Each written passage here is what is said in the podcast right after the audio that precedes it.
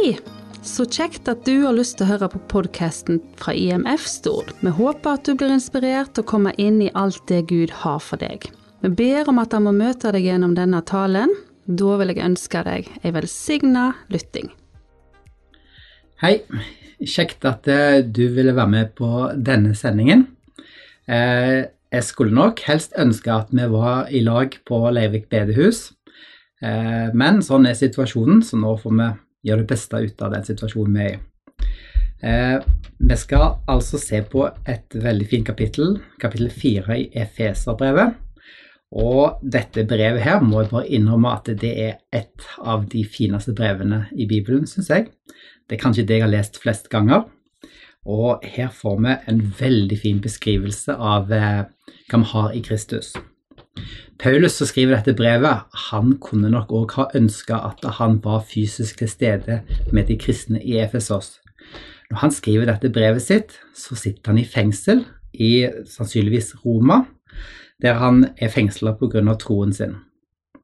Så nå skriver han dette brevet i den situasjonen han var i, for å oppmuntre de kristne i Efesos, og det er et veldig rikt brev. Paulus kjente veldig godt de kristne i Efesos. Han hadde vært det flere år. For på den tredje misjonsreisen sin så var han det faktisk i tre år og underviste de kristne i Efesos. Det kan du lese om i Apostelens gjerninger eh, kapittel 19.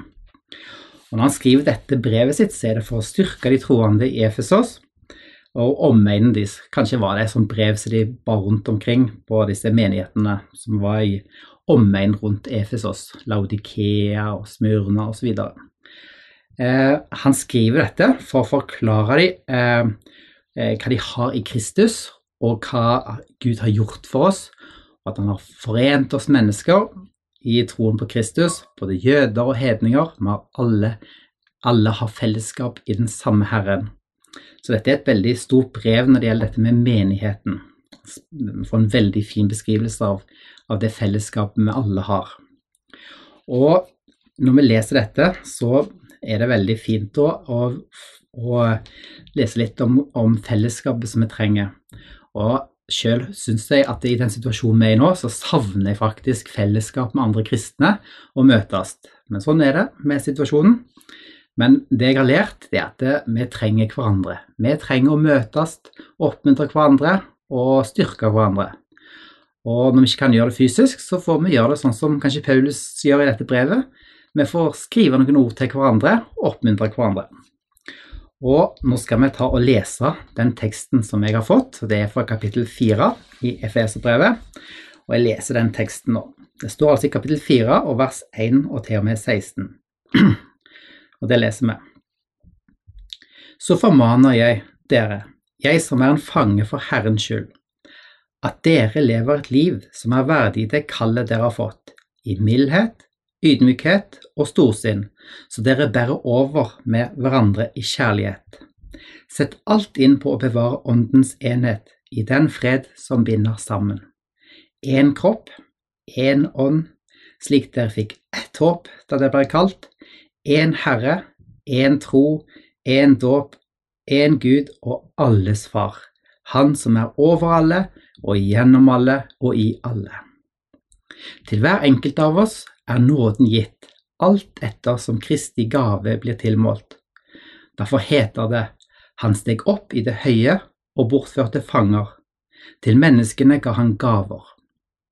At han steg opp, må jo bety at han først var steget ned til det aller laveste, til jorden. Han som steg ned, er den samme som steg høyt opp over alle himler for å fylle alt. Og det var han som ga noen til å være apostler, noen til profeter, noen til evangelister og noen til hyrder og lærere. For å utruste de hellige til tjeneste, så Kristi kropp bygges opp inntil vi alle når fram til enheten i troen på Guds sønn og kjennskap til ham, eh, og blir det modne mennesket som er fullvoksent og har hele Kristi fylde. Så skal vi ikke lenger være umyndige småbarn, ikke la oss kaste hit og dit og drive omkring ved hvert eneste vindpust av en ny lære, så vi blir et bytte for menneskers falske spill og, list, eh, og listige livsforførende knep. Men vi skal være tro mot sannheten i kjærlighet, og i ett og alt vokse opp til Han som er hodet, Kristus. Ut fra ham blir hele kroppen sammenføyd og holdt sammen av hvert bånd og ledd, alt etter den oppgave hver enkelt har fått tilmålt, så kroppen vokser og bygges opp i kjærlighet. Nå ber vi en bønn. Kjære himmelske Far, jeg takker deg for ditt ord. Takk for fellesskapet vi har i din ånd i lag med hverandre. Ber gode himmelske Far at du velsigner alle de som er med oss nå i denne sendingen. Jeg ber Herre at eh, du må gi oss trøst og formaning og oppmuntring, Herre, i Jesu navn. Amen. Så langt i Feserbrevet, Efeserbrevet, de tre første kapitlene, så har Paulus faktisk ikke kommet med eh, en eneste formaning utenom én. Det er bare én formaning han kommer med, og det er at vi ikke skal glemme hvordan vi var før vi ble kristne. Han ber at de må huske hvordan de en gang var uten Kristus og uten håp i denne verden. Men nå har han altså brukt tre kapitler på egentlig å fortelle oss hvor rike vi er i Gud. Alt det Jesus har gjort for oss, den hensikten han har for oss, helt fra verdens grunnvoll og før det ble lagt, så hadde han oss i tankene. Og Dette skriver han om i kapittel 1, og i kapittel 2 så skriver han om hva nåden vi har fått. Han, eh, det er det vi har dette verset, for av nåde er dere frelst ved tro. Det er ikke av dere selv, men Guds gave. Og nå når vi kommer til kapittel fire først, er det han begynner med formaningene. Og eh, her har jeg lyst til å bare si at det, det som er litt skummelt når vi leser Bibelen For av og til er det litt sånn at vi leser litt sånn. Hvis du da begynner å lese bare kapittel fire eller kapittel fem i, i Efeserbrevet, så begynner du rett på formaningene. Og da kan det virke litt tungt av og til. For da er det liksom at ja, du skal ikke lyve, og vi skal tale sant osv. Det er mange ting sånn som skal gjøre. Men Bibelen er sånn at det, vi skal ikke bare skjerpe oss, men vi skal leve det nye livet vi har i Kristus. Så når vi begynte den teksten, så sto det Så formaner jeg dere, jeg som er en fange for Herrens skyld, at dere lever et liv som er verdig det kall dere har fått. La du merke til det ordet som vi begynte med her? Så. Så formaner jeg dere. Og vi kunne ha oversatt teksten med 'Derfor formaner jeg dere', eller 'Av denne grunn formaner jeg dere'. Og Det betyr altså at Paulus tar utgangspunkt i alt det han har skrevet før. Kapittel 1, 2 og 3, all den rikdom har. Faktisk to ganger ber Paulus om at vi må forstå hvor rike vi er.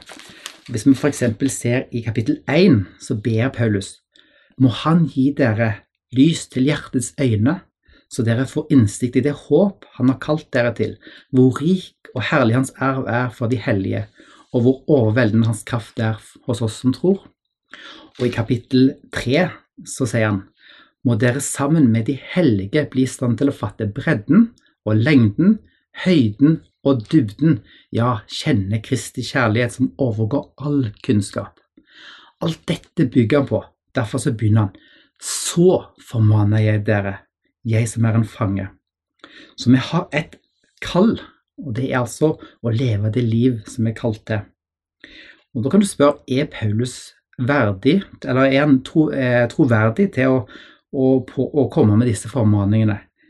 Og Da er det sånn at han, han, faktisk er det, for han, han skriver jeg som er en fange for Herrens skyld. Paulus levde ikke et lett liv, han, eh, han, skriver flere plasser om alle de tingene han opplevde. Og nå skriver han altså for fengsel og sitter fanga opp for å oppmuntre dem. Og da er han et godt eksempel for oss, han som er Jesu Kristi fange. Han, sitter, eh, han som er fange for Herrens skyld, som det står. Så vi skal altså leve ut vårt kall. Og Altså I de første kapitlene så får vi denne nye identiteten vi har i Kristus beskrevet så veldig fint. Og Jeg har lyst til å fortelle en eh, liten sånn historie jeg har hørt, som illustrerer veldig godt poenget som Paulus kommer med. Og Det er en historie om en som heter Martin og en som heter Morgan. De to var tvillinger, og de var prikk like. De var så like at vennene deres hadde store problemer med å se forskjell på dem. Men det var bare utseendet som var likt. Når det gjelder måten de oppførte seg på, så var det en helt annen historie. Martin han var en snill person. Lydig var han òg, med foreldrene og alle, og gjorde, lette et godt liv. Han var flink på mange måter og hadde veldig god moral. Morgan derimot, han var det som vi kaller for en bølle. Han løy og han stjal og gjorde masse gale ting og havna ute i masse trøbbel. Og Til slutt så toppa det seg med at han ble tiltalt for å ha myrda en person. Og Nå sitter han altså i fengselet og venter på dødsdommen sin. Så skjedde det at Martin kom på besøk. Og i det øyeblikket Martin kom inn døra, så begynte han å kle av seg klærne sine, og så ba han Morgan om å gjøre det samme. Skynd deg, ta av deg klærne dine.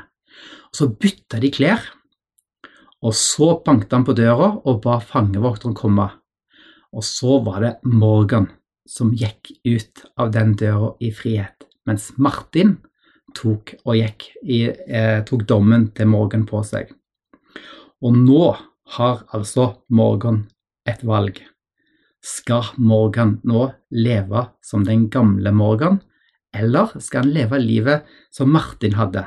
Skal han være pøbelen, eller skal han leve et eh, godt liv med å være god mot mennesker? Og Det er akkurat dette som er logikken i Efeserbrevet. For du ser, i de første kapitlene så får vi beskrevet at vi har fått en ny identitet i Kristus. Og denne identiteten har vi fordi vi får bytte plass med Jesus. Jesus han levde et, et 100% rettferdig liv på jorden. Og så gikk han altså helt til korset for oss. Han var lydig til død i vårt sted. Det var vi som fortjente å dø. Jesus han var 100% rettferdig. Derfor sier Paulus i kapittel 2 og vers 12.: Husk da at dere en gang var uten Kristus. Dere var utestengt fra borgerretten i Israel og hadde ikke del i pakten og løftet og var derfor uten håp og uten Gud i verden. Men nå, og dette er et veldig fint ord, det ordet men, men nå, i Kristus Jesus, er dere som er langt borte, ved Kristi blod kommet nær. Logikken er med andre ord vi fortjente å dø. Det var vi som skulle ta straffen, men Jesus kom og ga sitt liv for oss, så at vi fikk en ny identitet i Han. Og nå har vi altså valget, vi òg. Vil vi nå leve ut den nye identiteten? Paulus spør altså, lev nå ut det kallet som dere er kalt ved så formaner jeg dere, som han skriver, jeg som er fange for Herrens skyld, at dere lever et liv som er verdig det kall dere har fått. På samme måte som Morgan bør leve det livet Martin hadde, så skal vi nå leve Kristuslivet som troende. Og Derfor så fortsetter han i vers 2. Vær ydmyke. Ta dere ikke til rette. Strekk dere langt så dere bærer over med hverandre i kjærlighet. Dette er jo en beskrivelse av Jesus, han som var ydmyk, han som strakker seg langt og er, og er tålmodig med oss, han som bærer over med, med oss. Og når det gjelder å leve dette Kristuslivet, som vi kalt det, dette livet i den nye identiteten, så er det faktisk noe som vi ikke klarer alene. Vi trenger for det første Guds ånd for å få dette til, men òg vi trenger hverandre. Og Derfor så fortsetter Paulus Legg vind på å bevare åndens enhet i den fred som binder sammen. Ett legeme, én ånd, liksom dere fikk ett håp da dere ble kalt. Én Herre, én tro, én dåp, én Gud og alles Far, Han som er over alle og gjennom alle og i alle. Vi trenger hverandre, og vi trenger Gud. Vi er ett legeme og her ble vi altså formant til å bevare denne åndens enhet. Men hvor finner vi denne enheten her? Jo, vi finner den i den fred som binder sammen. Vi finner den i det håp vi har felles. Vi finner den i det vi har i Kristus i lag. Vi har altså én ånd. Vi er ett legeme, vi har én tro, én dåp, og vi har samme far. Vi er søsken i troen. Og denne fred som vi får i dette, det er dette som binder sammen. At vi lever i lag og er bevisst at vi er søsken.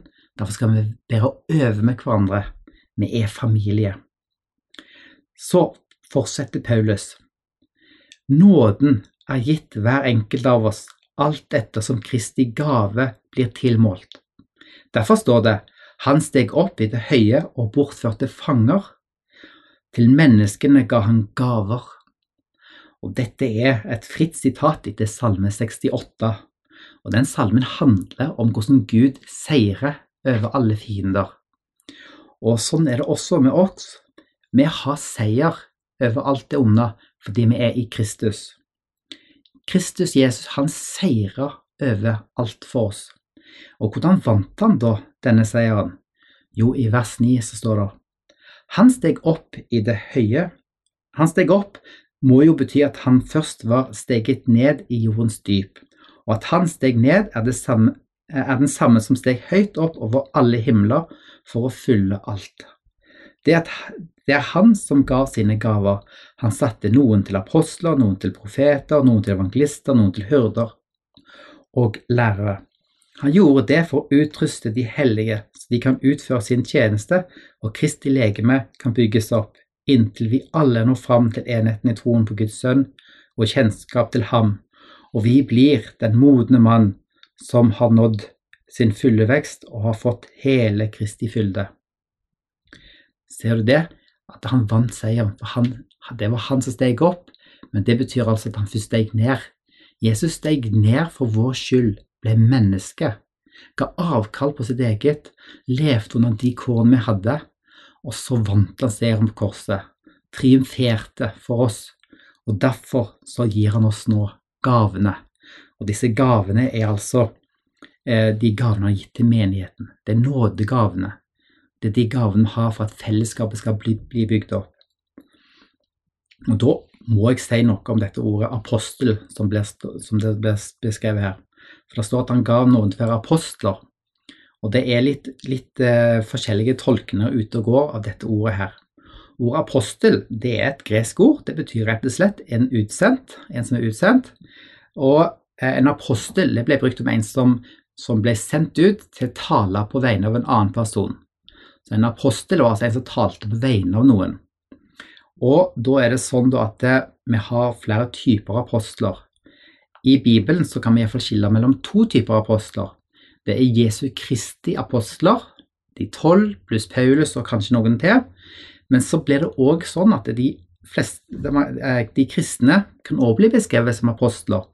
I 2. Korinterbrev kapittel 8 vers 23 så skriver Paulus og de andre brødrene, de er menighetens utsendinger og Kristi ære.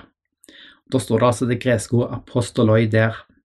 Og sånn som eh, de fleste kommentarer eh, tolker dette, så er det at de er altså menighetens misjonærer. De de utsendte.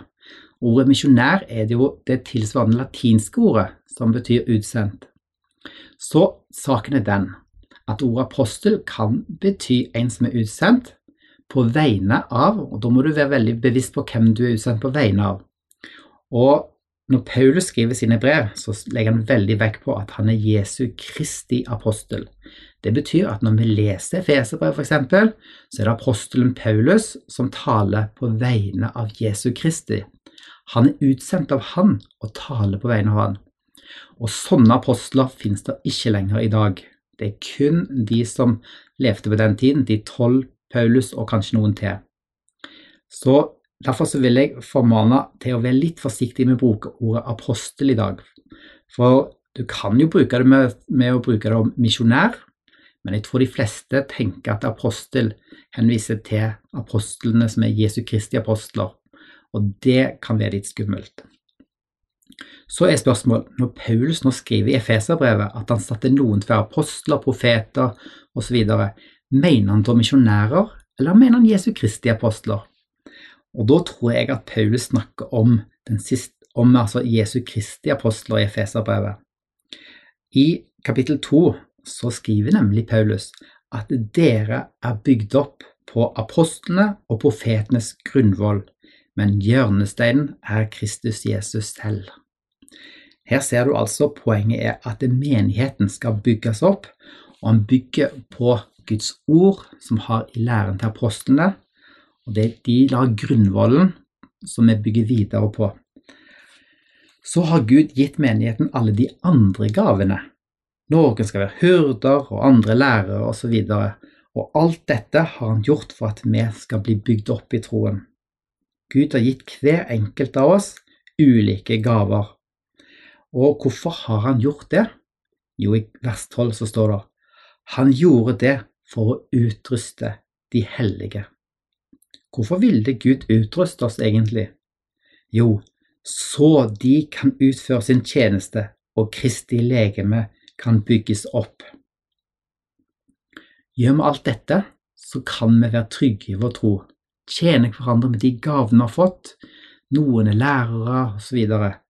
Så, står det altså i vers 14 Så skal vi ikke lenger være ydmyke, ydmodne, ikke la oss kastes hit og dit og drive med vinden fra enhver lære, så vi blir bytte for menneskenes falske spill og villfarelsens listige kunster vi skal være tro mot sannheten i kjærlighet, og i ett og alt vokse opp til Ham som er hodet, Kristus. Så du ser, å leve det nye livet handler ikke først og fremst om at vi skal skjerpe oss og være gode kristne, men det handler om å leve det livet Jesus har gitt oss ved at han ga sitt liv for oss. Og det betyr altså at vi må aldri glemme evangeliet. Evangeliet det handler om hva Gud har gjort for oss. Vi er i Kristus. Vi er ren og rettferdig, himmelverdig, som vi synger i en sang. Og Derfor så blir vi altså formant til å leve dette nye livet. Lev det nye livet i Kristus. Kristuslivet. Tjen hverandre med de gavene som vi har fått. Så er det sånn da at vi skal tjene hverandre. Det betyr altså, i denne situasjonen vi er i nå, så betyr det at vi må be for hverandre. Vi må kanskje ta en telefon til noen vi kjenner. Oppmuntre hverandre. Send gjerne en hyggelig melding, for nå trenger vi det så sårt alle sammen. Og vi trenger først og fremst Jesus. Og i vers 16 så står det fra ham kommer hele legemets vekst. Det sammenføyes og holdes sammen av hvert støttende bånd, alt etter den oppgave som er tilmålt hver enkelt del, og slik vokser legemet og blir bygd opp i kjærlighet. Og da ønsker jeg at du må vokse i dette. Ta det til deg. Ta, les Efeserbrevet. Grunn på det. Les hva du har i Kristus, og sammen med alle hellige må vi oppmuntre hverandre så vi kan tjene hverandre og bli bygd opp i troen. Og må Gud velsigne deg som ser på denne sendingen. Nå har jeg lyst til å be en kort bønn for deg. Gode himmelske Gud, himmelske Far, jeg ber Herre at du må velsigne alle de som følger med på denne sendingen. Jeg ber Herre at du må gi oss trygghet i troen på deg, og at du må være den som står som et fast anker for oss. At vi må være trygge, Herre, i den situasjonen vi er i nå. Takk, Herre, for evangeliet, og takk for den troen du har gitt oss, Herre. Amen.